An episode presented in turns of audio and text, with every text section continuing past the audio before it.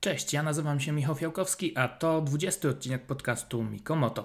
Witajcie po przerwie, wybaczcie za tak długą zwłokę, no ale każdemu należą się wakacje, także trochę czasu minęło od ostatniego podcastu, od tego czasu e, sporo się działo, bo ostatni odcinek nagrywaliśmy w Brnie przed Grand Prix Czech razem z Grzegorzem Jędrzejewskim i Adamem Badziakiem. Od tego czasu mieliśmy sporo wyścigów, ja też w Brnie miałem e, sporo pracy, sporo wywiadów, no i chciałem się tym, szczerze mówiąc, podzielić z Wami tak na gorąco od razu.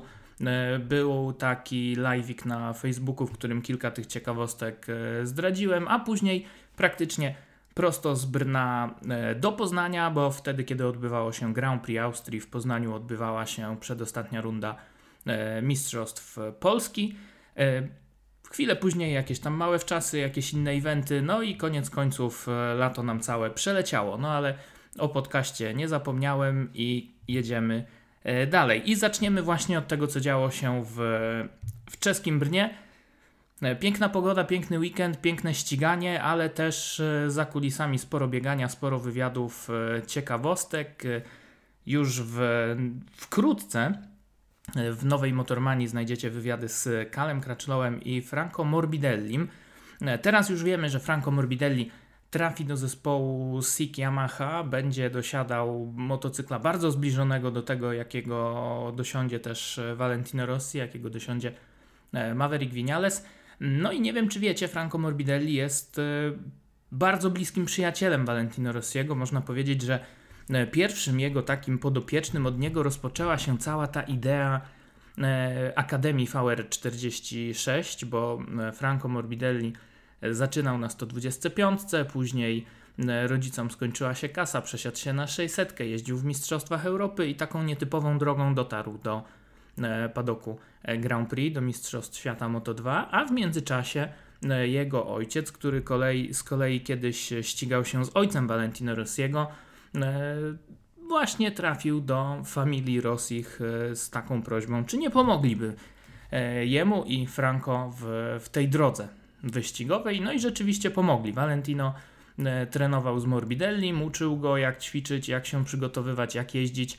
E, I z tej pomocy narodziła się właśnie taka idea, żeby rozpocząć e, Akademię VR46 i pomagać też innym zawodnikom w taki bardziej usystematyzowany sposób. Więc można powiedzieć, że Franco Morbidelli jest pierwszym takim uczniem, podopiecznym Valentino Rossiego i pierwszym, który trafia do królewskiej klasy i teraz na naprawdę niezły motocykl. E, to, co uderza we Franco Morbidellim, e, który przecież jest mistrzem świata Moto2, nie możemy zapominać, to to jak skromny, jak fajny, sympatyczny jest to chłopak. Kiedy się przychodzi do niego na briefingi, to on się z każdym dziennikarzem wita, ściska dłonie, patrzy prosto w oczy, zagaduje.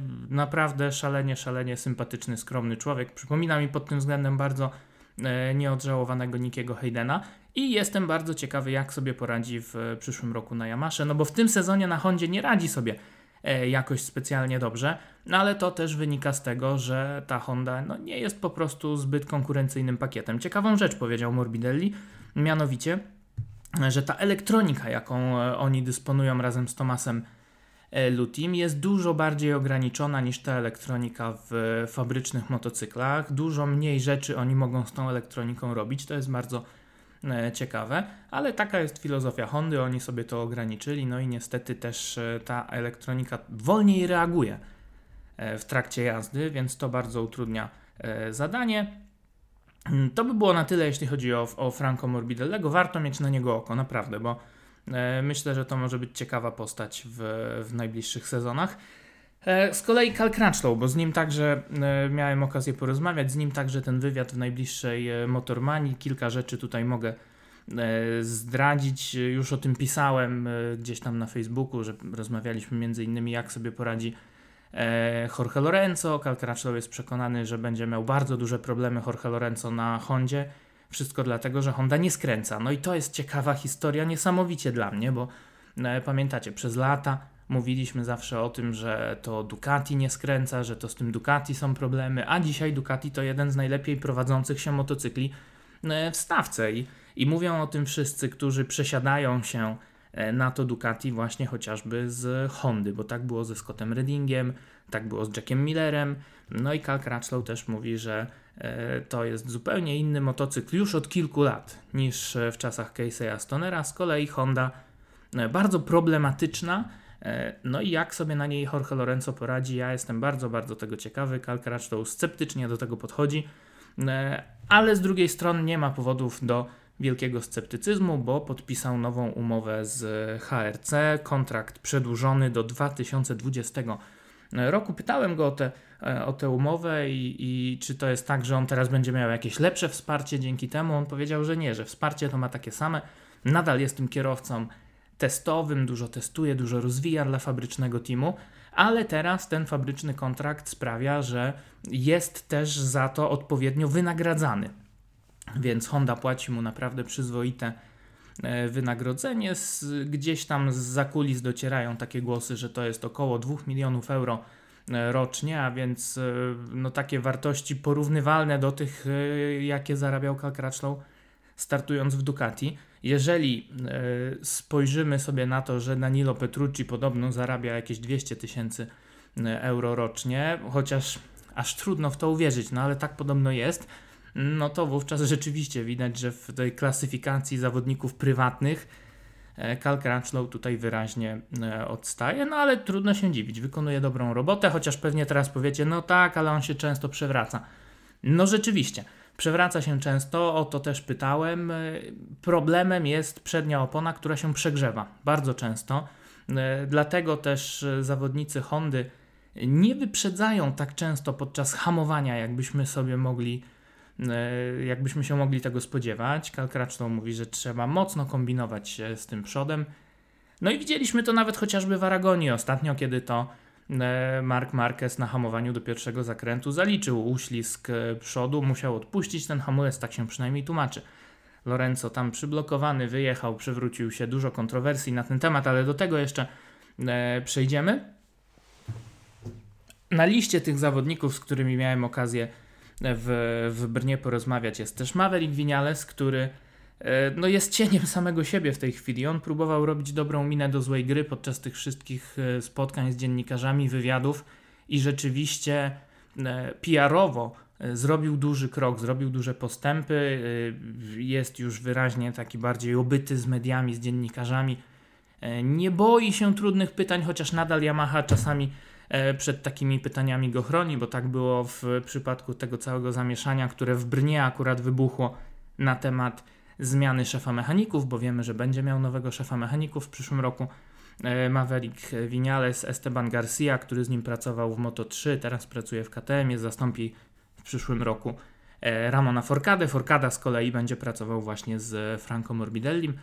A Maverick Vinales y, powiedział ciekawą rzecz, kiedy go zapytałem o te problemy z motocyklem, powiedział: No, w tym roku nie mogę nic zrobić, to ja muszę się dopasować do motocykla, ale w przyszłym roku będę chciał ten motocykl dopasować do mnie. Także ciekawe, jak, y, jak sobie z tym Maverick Vinales y, poradzi, bo minęło kilka tygodni, minęło kilka wyścigów i te jego ostatnie wypowiedzi naprawdę dosyć mocno dołujące, bo mówi Vinales, że nie ma oczekiwań, nie ma motywacji E, powinien walczyć w czołówce, ledwie walczy z teamami prywatnymi, no i widać, że e, Yamaha jest bardzo, bardzo mocno e, pogubiona, ale o tym za chwilę jeszcze trzymając się tego wątku wywiadów w Brnie. Michele Piro, kierowca testowy Ducati, bardzo zależało mi na tym, żeby z nim porozmawiać. Nie było to wcale takie proste, bo miał dosyć sporo na głowie Michele Piro E, w Brnie, ale udało się. Zapis tej rozmowy znajdziecie na portalu motormania.com.pl. E, pytałem o ten wypadek innymi z toru Mugello, z Grand Prix Włoch. E, no i Michele Piro powiedział, że dostał nowe życie od losu. Wszyscy wiemy, że ten wypadek wyglądał po prostu koszmarnie. No ale Piro na drugi dzień pojawił się na torze, prawda? Jedyne co to, to był problem z barkiem. E, który do, dokuczał mu zresztą przez ładnych kilka tygodni później, e, ale poza tym nie było jakiegoś wielkiego e, dramatu. Natomiast sam ten wypadek no, wyglądał makabrycznie i Michele Piro przyznał, że, że mocno to wszystko przeżył, mocno to musiał odchorować i miał duże wątpliwości, czy będzie w stanie znów wsiąść na motocykl i pojechać szybkim, konkurencyjnym tempem. Także fajnie, że to się udało. Ostatnio go widzieliśmy w Mizano z dziką kartą w MotoGP, zajął tam 15 miejsce, jeden punkcik wywalczył, ale też Michele Piro i dlatego chciałem z nim właśnie tak bardzo porozmawiać, bo Michele Piro walczy o tytuł mistrza Włoch. Ja mam te włoskie wyścigi przyjemność komentować na antenie N-Sport Plus w tym sezonie ponownie i i o ile w zeszłym roku e, Michele Piro zdominował absolutnie te, te wyścigi, no szczerze mówiąc były takie momenty, że, e, że trochę z ciężkim sercem się to oglądało, jak on wygrywa 11 z 12 e, wyścigów. W tym sezonie jest zupełnie inaczej. No niestety właśnie przez tą kontuzję, bo pierwsze cztery wyścigi Piro wygrał, później było właśnie tak w kratkę z powodu tej kontuzji, dwie wywrotki. E, osłabiony przez ten bark, e, przegrywał gdzieś tam pojedynki o zwycięstwo. No i ta sytuacja w tabeli nam się zmieniała z wyścigu e, na wyścig. Ostatnio mieliśmy rundę właśnie na torze Mugello, drugą rundę na torze Mugello Mistrzostw Włoch. I o ile pierwszy wyścig rzeczywiście Piro zdominował, o tyle w drugim zaliczył nietypową wywrotkę w pierwszym zakręcie, musiał gonić, kilka punktów tam zgarnął, ale prowadzenie w tabeli stracił. E, nowym, nowym starym, bo już wcześniej też prowadził w generalce liderem, jest jego kolega z zespołu, Matteo Ferrari. Młody zawodnik, dla którego Piro jest takim mentorem, uczy go, e, wiele mu podpowiada, bardzo mu pomaga. No i w tej chwili Piro ma e, kilkanaście punktów straty do Matteo Ferrariego, a ostatnia runda już w następny weekend, 6-7 października na torze Vallelunga i myślę, że będziemy mieli świetne wyścigi, także E, jeżeli macie dostęp do N-Sport Plus, to warto sobie to obejrzeć. Zresztą tam mamy cztery klasy i tylko w jednej już znamy mistrza Włoch, Kevin Zanoni w Moto 3. Także w tych trzech pozostałych, 300, 600 i w Superbajkach będzie, będzie naprawdę bardzo e, ciekawie. E, jeszcze dwa takie e, fajne wywiady. Alex Rins Suzuki. Bardzo byłem ciekaw tego, jak oni sobie tam w tym sezonie radzą, jak to wygląda od kulis, od kuchni. Myślę, że warto może zrobić na, na ten temat osobny odcinek podcastu. Jeszcze nie wiem, czy ten wywiad się pojawi na Motormani w druku, czy na Motormani w, na portalu. Jeszcze nie mam na to do końca koncepcji, ale, ale może warto będzie poświęcić temu osobny podkaścik też. Tutaj była ciekawa, zabawna historia, bo usiedliśmy sobie do tej rozmowy w ciężarówce Suzuki a ja miałem ze sobą notes KTM-a. Notes, który dostałem w zeszłym roku na prezentacji e, KTM-a w Austrii. No i e, Alex Rins e, spojrzał tak na ten notes i, i rzucił do jednego ze swoich asystentów po hiszpańsku weź przynieś mu jakiś nasz notes, nasz długopis, no jak to wygląda, tak? Oczywiście z uśmiechem na twarzy, ale rzeczywiście załapałem się w ten sposób nanotesik e, od Suzuki. E, I rzeczywiście Alex Rins to jest taki niepozorny chłopak, ale on ma naprawdę e, cięty humor, można powiedzieć. E, jest wygadany, jest, jest bardzo ciekawy, no i jest też bardzo e, szybki. Ale dlaczego tak w kratkę jeździł e, do tej pory w tym sezonie? O tym może przy innej okazji. Dosyć długo też miałem okazję przepytać Alexa Lowsa, bo przypomnijmy, E, Brno odbywało się tydzień po wyścigu 8-godzinnym na torze Suzuka. Alex Lowe's tam triumfował po raz kolejny. E, była taka otwarta sesja dla dziennikarzy, e, taki można powiedzieć grupowy wywiad, no i miałem to szczęście, że nikt na ten wywiad nie przyszedł. No ile w zeszłym roku była to grupa jakiś, bo, bo było dokładnie tak samo, Lowe's wygrał wyścig, przyjechał tydzień później do Brna, wtedy też był taki wywiad, było chyba z 10 albo nawet i więcej dziennikarzy, o tyle tym razem E, byliśmy tylko we dwóch e, ze Stevenem Englishem. E, później dołączyła jeszcze dziennikarka z, z Węgier. No i tym sposobem udało się dosyć mocno i ciekawie Alexa Lowsa przepytać na różne tematy i myślę, że ten wywiad warto będzie spisać i wrzucić na portal. No nie obiecuję Wam, że w najbliższych dniach, bo sami widzicie po ostatnim odcinku podcastu, jak to jak to u mnie wygląda w, w szczycie sezonu. Niestety jest, niestety, niestety jest dużo pracy, nie tylko przy e, tych historiach dziennikarsko-komentatorskich, nie tylko przy e, MotoGP, nie tylko przy motocyklach w ogóle, także, także jest tutaj co robić i dlatego ten podcast trochę zaniedbałem ostatnio, także wybaczcie. E, ale mam też wrażenie, że chyba trzeba poszukać trochę nowej formuły może na ten podcast i tutaj też pytanie do Was. Czego byście chcieli więcej, czego byście chcieli mniej, czy trzymać się takich typowych analiz E, wyścig po wyścigu, czy jednak spojrzeć na to wszystko trochę e, z innej strony. No dzisiaj tak, tak właśnie zrobimy, bo Jednak e, tych wyścigów jest sporo. Myślę, że czasu mogłoby nam tutaj zabraknąć, żeby wszystkie tak od A do Z analizować. E, szczególnie ten e, na Silverstone, chłe, wracając jeszcze do Brna i kończąc ten wątek Grand Prix Czech, wyścigu, który oczywiście mm, padł łupem Andrei Dovizioso. W, w, piątek chyba, albo w czwartek odbyła się konferencja prasowa Yamaha. Yamaha poinformowała, że nowym sponsorem e, zespołu, głównym sponsorem na wiele lat, chociaż nie wiemy na ile dokładnie, nowym sponsorem zostaje Monster Energy. To jest taka informacja, no już wróbelki o tym ćwierkały bardzo, bardzo nieśmiale w zeszłym roku w Brnie. Jak byłem na prezentacji Yamaha w styczniu w Madrycie, to może wprost jeszcze tego mi nikt nie powiedział, ale, ale wróciłem stamtąd z taką pewnością, że rzeczywiście ten sponsor się zmieni, że mówi Star odejdzie, że przyjdzie Monster, no i e, koniec końców tak też się stało. E, I to może nie jest jakaś najważniejsza informacja tego, e, tej, tej całej konferencji, ale później, już po zakończeniu tej części oficjalnej, mieliśmy okazję trochę przycisnąć do ściany Lina Jarvisa, który kieruje całym tym e, projektem. E, no i takie mam mieszane trochę wrażenia po tej, e, po tej rozmowie. Natomiast teraz już też po jakimś czasie zostało to potwierdzone, że będzie jednak ten zespół testowy Yamaha w przyszłym roku. Będzie w tym zespole kierowcą Jonas Folger. E, pytanie, czy to rzeczywiście Yamasze pomoże, czy też nie? No, nie mieli do tej pory takiego teamu testowego w Europie i, i był z tym e, bardzo duży problem. Zobaczymy, czy teraz ten problem zostanie rozwiązany. Miejmy nadzieję, że tak, bo, bo sytuacja nie wygląda zdecydowanie e, zbyt dobrze w Yamasze. No właśnie tydzień później po Grand Prix Czech mieliśmy Grand Prix Austrii, ja wtedy byłem w Poznaniu, no i, i przyznam się szczerze i bez bicia, że E, o ile udało mi się rzutem na taśmę obejrzeć e, nawet, nawet prawie cały wyścig e, MotoGP od A do Z na żywo, to nie bardzo był czas, aby śledzić treningi, kwalifikacje, te wszystkie newsy zakulisowe.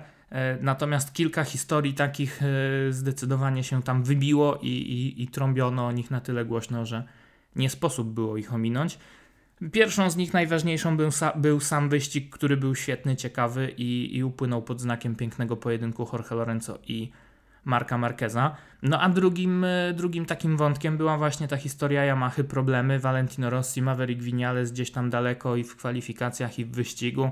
Oni mówili, to jest nasz najgorszy tor, więc tutaj się spodziewamy. Już to mówili w Brnie właściwie, e, że spodziewali się trudnego weekendu, ale ten weekend był dramatyczny i E, w trakcie weekendu Yamaha zorganizowała nawet taką konferencję prasową, gdzie Tsuya San, lider całego tego projektu M1, przepraszał zawodników za to, że tak to wygląda, e, a nie inaczej. No i przyznam szczerze, że ja nie pamiętam takiej, takiej atmosfery w, w Yamasze, od kiedy mam przyjemność gdzieś tam od czasu do czasu przynajmniej oglądać to wszystko także od kulis, nie mówiąc już o oglądaniu w ogóle, no bo 23 e, wyścigi bez zwycięstwa dla Yamaha w tej chwili to jest najdłuższa seria od kiedy e, ta marka dołączyła w ogóle do, e, do wyścigów Grand Prix w 1973 roku.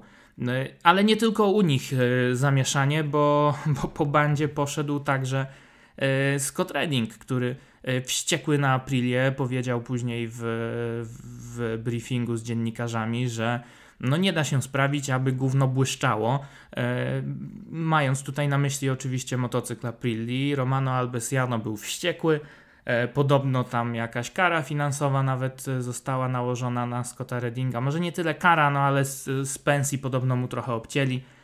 E, on oczywiście kilka dni później przepraszał, później były takie testy e, w Mizano i po tych testach był zachwycony, że ten nowy silnik, że ten nowy motocykl to taki super, ale ostatecznie Niewiele się zmieniło i, i Scott Redding e, w kolejnych wyścigach znów trochę, chociaż już, już trochę z takim e, większym smakiem chyba jednak, ale nadal ten motocykl krytykował, a teraz już wiemy, że e, zniknie z MotoGP, no to już wiedzieliśmy i w Brnie, ale teraz już wiemy, że najprawdopodobniej trafi do brytyjskich superbajków w teamie Paula Berda. Zabrakło miejsca w Moto 2. Thomas Lutti podobno przegonił go w walce o, o kontrakt w Moto 2. E, w Superbajkach chyba też nie było jakiejś sensownej opcji, no i ostatecznie Redding postawił na BSBA, że Shaky Byrne kontuzjowany to może tam Scott Redding mieć naprawdę konkurencyjny pakiet. No i to by było na tyle, jeśli chodzi o, o Austrię.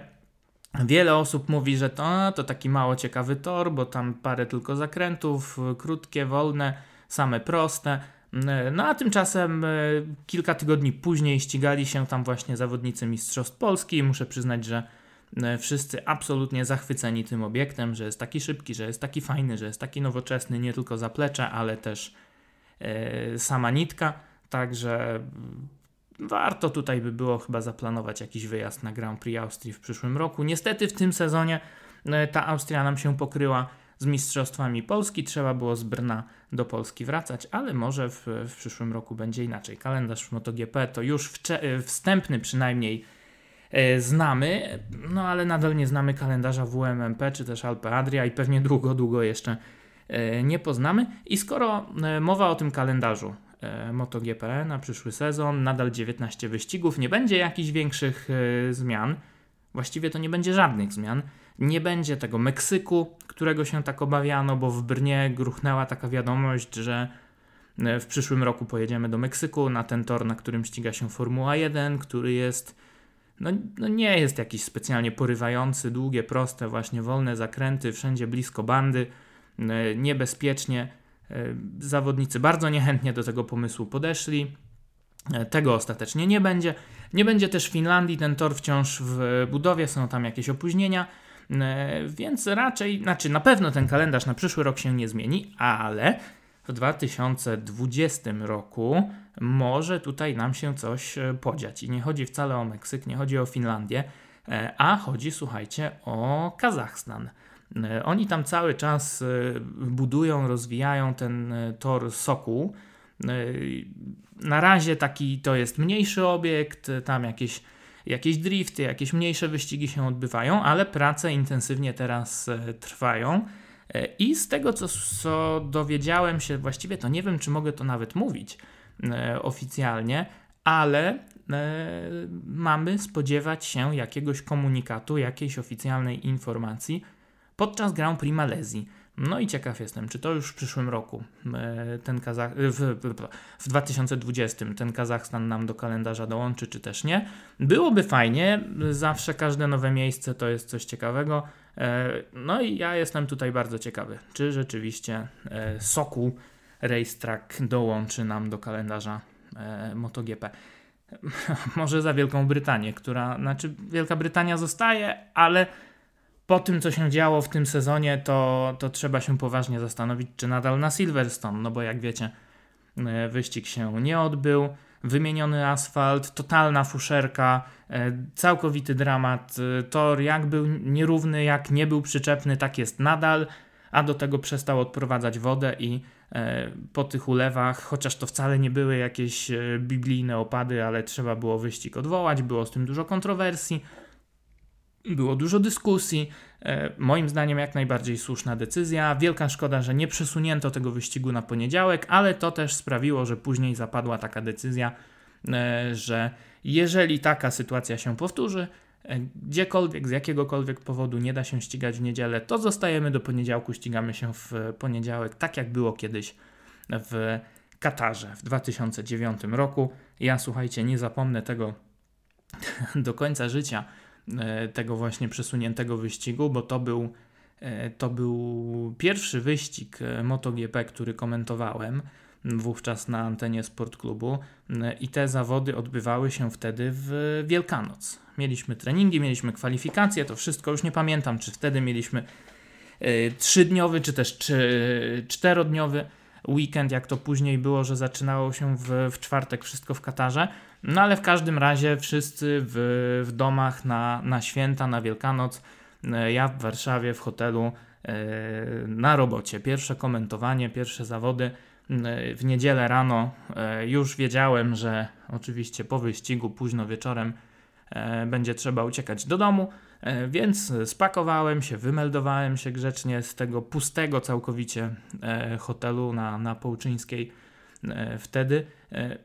Po czym około północy do tego hotelu wróciłem, mówiąc: OK, to ja jeszcze sobie na ten lany poniedziałek zostanę na jedną noc jako jedyny gość. Patrzyli na mnie jak na debila, nie chciało mi się specjalnie tłumaczyć, no ale tak mi to w pamięci zostało. No, oczywiście większe zamieszanie mieli ci, którzy tam byli na miejscu, bo bo to jest też bardzo często tak w Katarze. E, I, I my też, e, będąc tam w 2008 roku z Łukaszem Świderkiem, e, zrobiliśmy dokładnie to samo, że mieliśmy bilety po prostu powrotne na poniedziałek na 7 rano. Wyścig odbywał się w niedzielę wieczorem, więc my w niedzielę też z hotelu się wymeldowaliśmy. Po zawodach zostaliśmy w sali prasowej, bo ta sala prasowa zawsze jest długo, długo otwarta. Każdy skończył to, co miał do, do zrobienia i na lotnisko. No więc teraz sobie wyobraźcie tych wszystkich dziennikarzy, tych wszystkich ludzi, którzy tam siedzieli, no i nagle trzeba zostać jeszcze jeden dzień. No i co? Wielu poleciało po prostu do domu, bo tych mniejszych redakcji nie było stać na to, żeby sobie poprzekładać te, te loty, żeby zabukować dodatkowe hotele, tym bardziej, że też ten Katar wcale nie jest jakiś taki najtańszy. Ale z drugiej strony taka sytuacja w Anglii nie byłaby jakimś wielkim e, problemem i dramatem, bo E, bo tych tanich linii nie brakuje i można sobie tam e, w miarę sensownie taki pobyt przedłużyć. Więc fajnie, że, że taka decyzja zapadła. Ciekaw jestem, jak to teraz będą teamy organizować, czy na wszelki wypadek wszyscy sobie będą bukować te hotele i przeloty na poniedziałek, czy też jednak będą ryzykować trochę. Z drugiej strony rzadko do takich sytuacji dochodzi. A oczywiście my sobie tutaj możemy żartować o tym wszystkim, że E, e, że to trochę niepoważne jak na Mistrzostwa Świata i tak dalej, żeby wyścig się nie odbył z powodu zalanego e, deszczem toru, ale jednej osobie, której nie jest do śmiechu, to oczywiście Tito Rabatowi, który złamał nogę i to na tyle fatalnie w trzech miejscach, że dopiero wczoraj czy przedwczoraj wyszedł ze szpitala po prawie dwóch miesiącach, czy tam no ponad miesiącu wyszedł ze szpitala Tito Rabat. Zobaczymy jak szybko nam E, wróci e, na pola startowe. Zastępował go w Mizano e, Chris Ponson, zawodnik francuski, który dogadał się z zespołem Avintia na cztery rundy, ale po tej pierwszej, gdzie tam ledwie się mieścił w limicie 107%, wówczas no, spadła na niego fala krytyki, że to, że za wolny, że skąd on w ogóle jest, tam podobno Crutchlow i Miller E, bardzo byli za tym, żeby on już nie startował dalej i rzeczywiście Dorna pod tą presją się ugięła i w Aragonii mieliśmy już innego zawodnika, e, Jordiego Torresa, e, który też wcale jakoś niespecjalnie lepiej sobie poradził. Dużo było z tym kontrowersji, ja muszę przyznać, że no, trochę to było słabe, bo jak kilka lat temu startował Mike Jones w Australii, nie wiem czy pamiętacie, Janone wtedy był kontuzjowany w teamie Ducati fabrycznym, wskoczył na jego miejsce Hector Barbera, a na miejsce Barbery wskoczył właśnie Mike Jones. No i y, to jest zawodnik na podobnym poziomie, bo oni z Ponsonem nawet w tym roku startują w Mistrzostwach Hiszpanii w stokach 1000 i walczą tam e, bardzo często ze sobą. E, no i jak on wtedy jechał, protegowany Troja Bailisa, to nikt jakoś specjalnie psów na nim e, nie wieszał, a temu biednemu Ponsonowi trochę się dostało. No co on za to Mm, za to może, że, że miał akurat pod ręką walizkę pieniędzy, stać go było na to, żeby sobie wykupić takie starty w, w Avinti. Zresztą Cal Crunchlow mówi, że on wcale nie ma mm, nic do Ponsona, ale ma duże problemy e, z tym, że to zespół się tak nierozsądnie zachował. Po prostu kto przyszedł e, z budżetem, ten mógł sobie na ten motocykl wsiąść i, i wystartować. No i tu jest trochę racji. Takim może nie, nie fajnym newsem przeszliśmy do Grand Prix e, San Marino. No i tutaj oczywiście e, nie można e, nie wspomnieć o tych dwóch rzeczach, które tutaj się działy i, i które wywołały największe zamieszanie.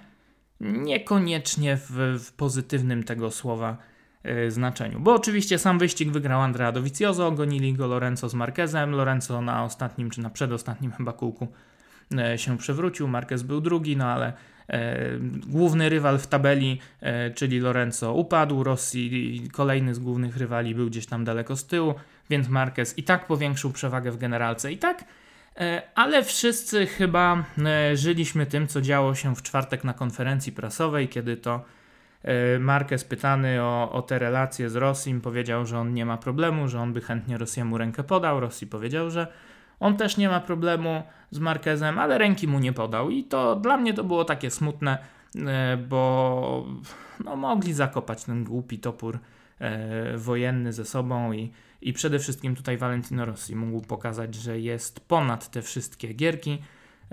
Nie zrobił tego i wiem od ludzi, też e, polskich kibiców, którzy byli na Mizano, że ta atmosfera, e, szczególnie jeżeli ktoś był fanem Marka Marqueza i tam pojechał w, w czapeczce koszulce 93, no to nie miał łatwego życia, a to chyba nie o to chodzi w tym sporcie, żeby tak to wyglądało. No ale niektórzy mówią e, i bronią Valentino Rossiego, że to Marquez pod publiczkę zagrał, Rosji się nie ugiął.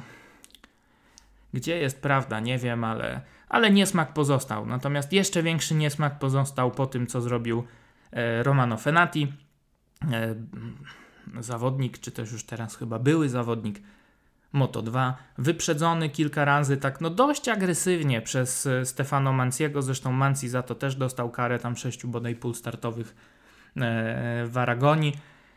No i Fenati wytrącony z równowagi podjechał do Manciego, wcisnął mu dźwignię hamulca przy ponad 200 km na godzinę. Mansi się co prawda nie przewrócił, no ale Fenati miał tego pecha, że to kamery Dorny to nagrały, poszło to później w, w, jeszcze w trakcie relacji na żywo, no i wtedy się zaczęło.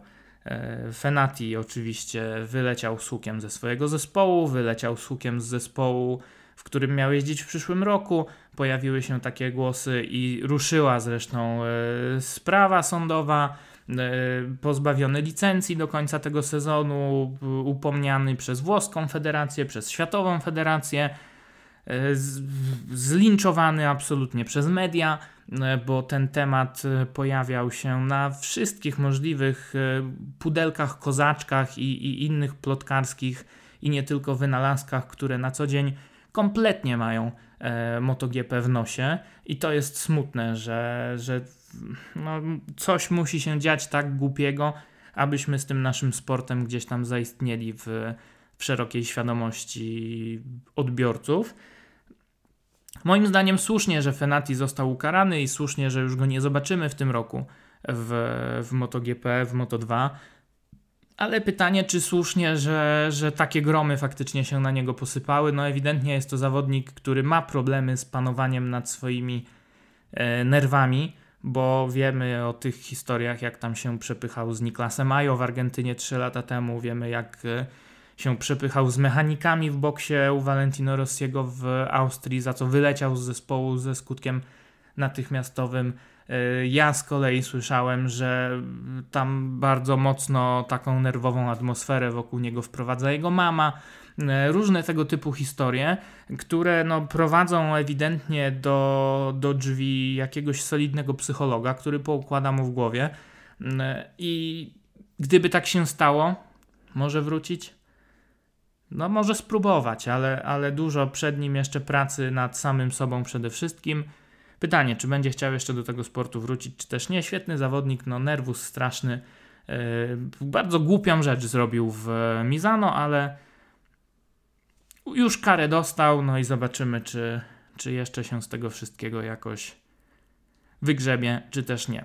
No, z drugiej strony, jak to mówią, do trzech razy sztuka i może dla wszystkich będzie lepiej, jeżeli jednak Romano Fenati da sobie z wyścigami e, spokój. No to już niech oceni każdy sam, to już niech oceni Fenati, ale te wszystkie historie, e, to co ludzie mu tam wypisują, to jak mu tam pogróżki wysyłają, no to już jest absurd, to już jest przesada. E, nie o to w tym wszystkim e, chodzi. No i znowu takim niefajnym akcentem zamykamy temat Grand Prix e, San Marino. Przechodzimy do ostatniego wyścigu, wyścigu w Aragonii, wyścigu, a raczej rundy, którą zdominował Jorge Lorenzo podczas treningów, podczas kwalifikacji. No widać było, że on się najlepiej na tym torze, na tym motocyklu czuje, ale niestety wyścig zakończył się dla niego w pierwszym zakręcie.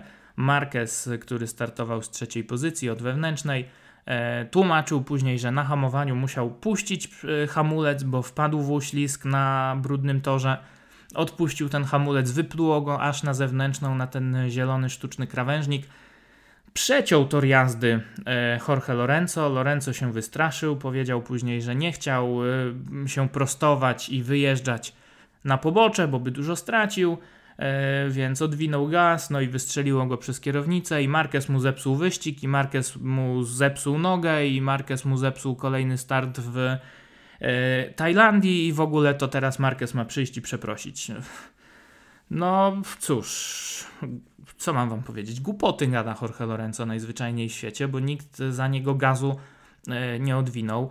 I Marquez, i Lorenzo, i jeszcze za nimi tam Crutchlow i Janone, wszyscy przestrzelili to hamowanie do pierwszego zakrętu. Pokazuje to mm, Andrea Dovizioso, który wyszedł z tego zakrętu na pierwszej pozycji. E, i pojechał tam z głową. Jorge Lorenzo tej zimnej głowy e, zabrakło, poniosły go emocje i po tych trzech pole position, kiedy z rzędu, kiedy chyba uwierzył, że ten wyścig jest wygrany, e, moim zdaniem Marquez go po prostu zniszczył psychicznie w tym momencie. I to jest dokładnie taka sama historia, jaka wydarzyła się na torze Laguna Seca w 2008 roku, kiedy to Casey Stoner w treningach 0,7-0,6 sekundy był szybszy od reszty stawki. No i Valentino Rossi wiedział, że jak e, Stoner odjedzie na pierwszych dwóch okrążeniach, to już będzie po wyścigu, nikt go nie dogoni. No i co robił? Za wszelką cenę go wyprzedzał, e, blokował go, może nie blokował, no ale wyprzedzał go. Za wszelką cenę chciał być przed nim, żeby nie dać mu uciec. No i e, i te ataki były tak ostre, że w pewnym momencie wszyscy pamiętamy, co się wydarzyło w korkociągu. Rosji tam wyjechał trochę poza tor. Stoner y, poirytowany wreszcie dał się sprowokować, popełnił błąd, przewrócił się na hamowaniu do ostatniego zakrętu. Mocno później krytykował Rossiego, co prawda wziął na klatę to, że ten, ten wypadek był jego winą, ale te manewry Rossiego mu się nie podobały. No i co zrobił Valentino Rossi? Złamał Casey'a Stonera, zdobył tytuł w tamtym sezonie. Wydaje mi się, że Mark Marquez zrobił dokładnie to samo e, z Jorge Lorenzo. Przy czym jakoś niespecjalnie musi go łamać, bo w tabeli jego przewaga jest na tyle duża, że i tak, e, umówmy się, jest już po, po zawodach, jest pozamiatane. E, Mark Marquez ma 72 punkty przewagi, 125 do zdobycia. Myślę, że e, no w Tajlandii to jeszcze nie, bo to nie jest matematycznie możliwe, ale już w kolejnej rundzie w Japonii, po raz kolejny w Japonii, Mark Marquez będzie ten tytuł Mistrza Świata świętował. Pytanie, kto zostanie wicemistrzem, bo tutaj zaczyna nam uciekać Andrea e, Dovizioso. Sam wyścig e, bardzo fajny, Marquez Dovizioso, Janone, jeszcze tam Rins, e, bardzo ładna walka. A w tej walce znów zabrakło zawodników Yamahy, no i, i to jest w ogóle jakiś pogrom, bo Valentino Rossi w ogóle nie wszedł do Q2, startował z 18, o ile dobrze pamiętam, pozycji. Gdzieś tam się przebił ostatecznie Valentino Rossi na pozycję ósmą, o ile dobrze pamiętam, tak, na ósme miejsce, e, a więc do pierwszej dziesiątki. No zyskał 10 pozycji, więc wykonał dobrą robotę, ale ta rezygnacja w jego głosie jest tutaj ewidentna. Rossi mówi, co byśmy nie zrobili, czego byśmy nie zmienili, to, e, to nie przynosi to żadnych efektów i to nie my musimy tutaj coś zrobić, tylko Japończycy muszą się wziąć w garść. Tak źle nie było od 2004 roku, kiedy Rossi do tej Yamahy dołączył. Był tam wtedy Masao Furusawa, który y, kierował tym projektem, świetny inżynier, który już na pierwsze testy przygotował dla Rosjego cztery różne silniki. E, były dwa silniki czterozaworowe, dwa pięciozaworowe. Rosji mógł sobie wybrać, e, która specyfikacja mu najbardziej pasuje. Wybrał ten najsłabszy, ale najpłynniej oddający moc e, i to wszystko sprawiło, że mieli jakąś bazę. Ja mam takie wrażenie, że w tej chwili w Yamasze brakuje takiego człowieka jak Masao Furusawa. Przypomnijmy, że e, był przez lata e, tam Masahiko Nakajima, który tym wszystkim kierował w Yamaha Racing. Teraz go przenieśli do Endurance'ów. Jest Tsuya San, który, no nie wiem, czy brakuje mu doświadczenia, czy brakuje mu nie chcę powiedzieć, że kochones, no ale, ale czegoś tam brakuje, brakuje takiego podejścia E, konkretnego, zrobienia dwóch, trzech różnych silników, sprawdzenia tego porządnego i wyznaczenia jakiegoś sensownego kierunku, bo e, oni cały czas, mam takie wrażenie, do końca nie wiedzą skąd ten problem, że y, motocykl nie przyspiesza, nie ma przyczepności, że te opony się zużywają, że oni tracą na wyjściach, szczególnie właśnie w drugiej połowie wyścigu. Winiales cały czas mówi, że to jest elektronika, Rosji ostatnio mówi, że to E, że to silnik, że to może by trzeba było V4, a nie rzędówkę, no to się do tego nie dojdzie. no, ja mam takie wrażenie, że to najzwyczajniej w świecie e, Yamaha się pogubiła po zmianie, e, po zmianie opon, ale znów jak w 2008 albo w 2007, poprawcie mnie, bo mogę się tu o rok, o rok mylić, ale wydaje mi się, że to było w 2008 roku. Sezon zanim cała stawka przeszła z Michelinów na e, Bridgestone, Valentino Rossi, widząc jak odjeżdża Casey Stoner, stwierdził: OK, robimy taki myk i my też przechodzimy na e, Bridgestone przeszli na te Bridgestone z Yamahą, ale w pierwszych wyścigach mieli bardzo duże problemy, nie mogli się ogarnąć na tym motocyklu. E, no i wtedy do pracy zabrał się Jeremy Burgess i pamiętam, że gdzieś tam później mi to dokładnie mi wytłumaczył. Musiałbym to poszukać gdzieś tam w starych gazetach te, te, tych wywiadów, ale chodziło w każdym razie o to, że te opony wymagały zupełnie innego balansu motocykla, więc oni musieli E, no i teraz albo wam powiem w jedną, albo w drugą stronę, nie pamiętam czy, czy chodziło o to, że musieli ten motocykl wydłużyć, wyciągnąć to jakby koło e, bardziej do tyłu, ale nie, nie zmieniając, e, o w ten sposób, przesunąć środek ciężkości, e, ale nie zmieniając rozstawu kół. Musieli tę masę przenieść. No i oni, o ile dobrze pamiętam, to musieli wydłużyć jakby tył motocykla, czyli wydłużyli wahacz, przesunęli to koło w wahaczu dużo bardziej do tyłu, zmienili ten kąt nachylenia przedniego widelca, zmniejszyli jakby tak, żeby ten rozstaw kół się nie zmienił, ale żeby, żeby przenieść tę masę zupełnie e, w, w, inne miejsce. Albo skrócili, żeby, żeby ta masa była bliżej tyłu. Nie pamiętam w którą stronę, ale, ale wiecie o co mi chodzi. No i po czterech wyścigach mieli ten temat ogarnięty i Rossi znów wygrywał.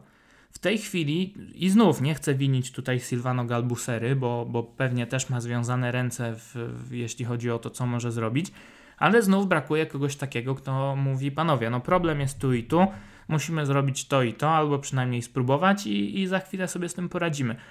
Cały czas Yamaha w takim kryzysie y, tkwi, nie, nie mają tej drogi, nie mają tego światełka w, w tunelu. Co gorsza, Rosji testował ostatnio ten silnik na 2019 rok i mówi, że to wcale nie jest, przynajmniej ta pierwsza wersja nie jest w ogóle żadnym krokiem do przodu.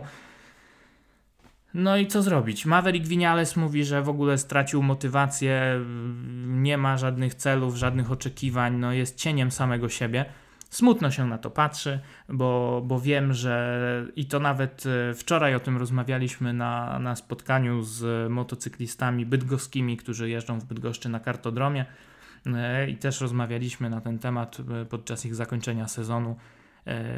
No, że to nie jest jednak tak, że, że Rosji jest za stary, nie daje już rady, że to jest za długa kariera, tak jak w przypadku e, jakichś bokserów czy, czy piłkarzy, kiedy oni już są poza tą optymalną formą. Ja mam takie wrażenie, że on jednak nadal w tej formie jest. Pokazują to te wyniki, pokazują to te wyścigi, kiedy na takim samym sprzęcie zostawia w tyle młodego, głodnego, szybkiego e, Mavericka Vinalesa, no ale nie ma po prostu tej, tej technologii, tej maszyny, aby powalczyć o e, czołowe pozycje. Miejmy nadzieję, że to się zmieni, że ten team testowy e, jakoś w tym wszystkim pomoże. No może tam trzeba jakieś zrobić porządki, a nawet duże wietrzenie, jeśli chodzi o kadry.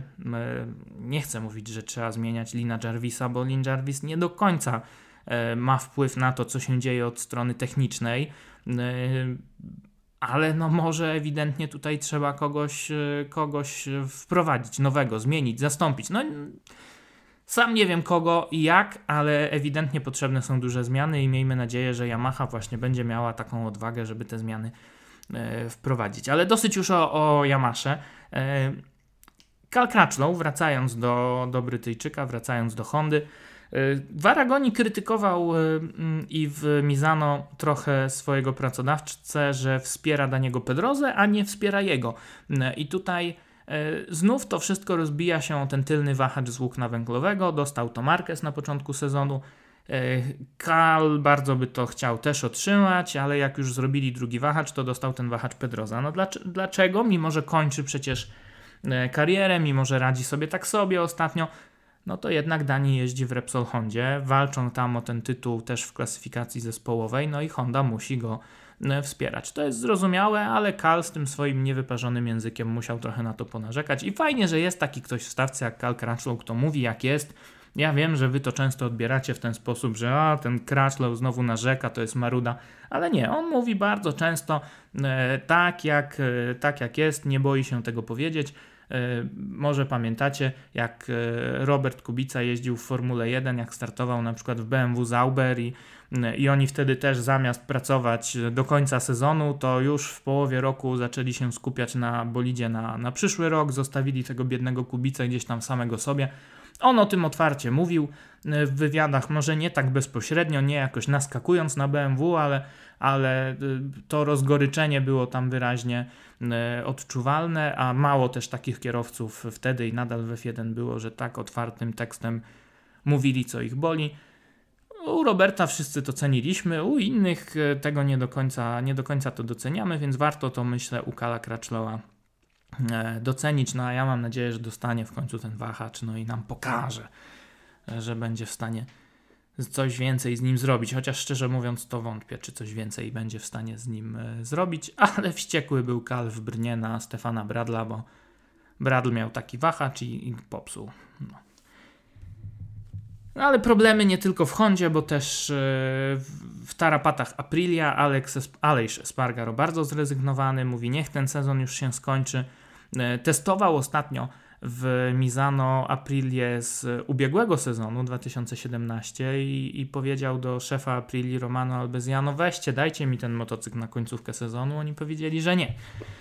E, to zrozumiałe, ale z drugiej strony no, to pokazuje, że Aprilia jednak też poszła w złym kierunku. Ten motocykl 2.18 nie jest tak dobry, jakby na to liczyli. Co prawda szóste miejsce ostatnio w Aragonii, ale Aleix Spargaro mówi nie dajcie się zwieść, E, to są pozory, no akurat się wyścig ładnie ułożył, trochę pomógł nowy szef mechaników Pietro Caprara, ale te problemy z motocyklem e, nadal e, są. W przyszłym roku do Aprili dołączy Antonio Jimenez. To jest Hiszpan, który pracuje w tej chwili w Moto2 w zespole Dynavolt, ale przez wiele, wiele lat pracował w zespole Fausto Grissiniego w, właśnie, a więc wraca jakby na stare śmieci Antonio Jimenez. Wcześniej pracował, później właściwie, jak już zakończył współpracę z Gressinim, e, to pracował e, w Moto2, Vital Transie, z Miką Kallio, chyba też właśnie z Franco Morbidellim przez chwilę, e, z wieloma dobrymi zawodnikami. I tutaj taka mm, rubryka, nie wiem, towarzystka, nie wiem jak to nazwać, niektórzy lubią takie newsy. E, Antonio Jimenez jest ojcem e, Melisy Jimenez, która była przez wiele lat dziennikarką, pracowała w hiszpańskiej telewizji, re relacjonowała właśnie wyścigi e, MotoGP, a dzisiaj jest żoną Marka Bartry z FC Barcelony, piłkarza znanego ponoć. No, wiem, że niektórzy takie newsy lubią, no to czasami trzeba sypnąć, tak, sypnąć takim pudelkiem też. E, I to by było, słuchajcie, na tyle, jeśli chodzi o takie historie typowo związane z kategorią e, MotoGP. E, w międzyczasie e, trochę innych newsów też nam się tutaj gdzieś w padoku pojawiło. Wiemy już, jak będzie wyglądał kalendarz wyścigów Moto E. e wiemy, że zobaczymy w nim Mieszko Rafina. E, wygląda na to, że zobaczymy też Randiego Depunie w zespole LCR Honda, więc bardzo fajnie te wyścigi E, się zapowiadają. Ja jestem strasznie ciekawy, jak to elektryczne ściganie będzie wyglądało w przyszłym roku. Bradley Smith nam podobno chciałby wystartować kilku innych zawodników. Troy Corser, były mistrz świata superbajków. No, no, naprawdę. O ile w pierwszej chwili obawiałem się trochę, że ta kategoria Moto E to może być taki trochę odpowiednik freak fightu E, w KSW, gdzie y, na przykład hardkorowy koksu walczy z Adamem Małyszem i będą właśnie tutaj jakieś dinozaury, dziwni zawodnicy w połączeniu z jakimiś młodziakami, którzy chcieliby do MotoGP dostać, ale nie mają jak, więc idą taką poboczną drogą.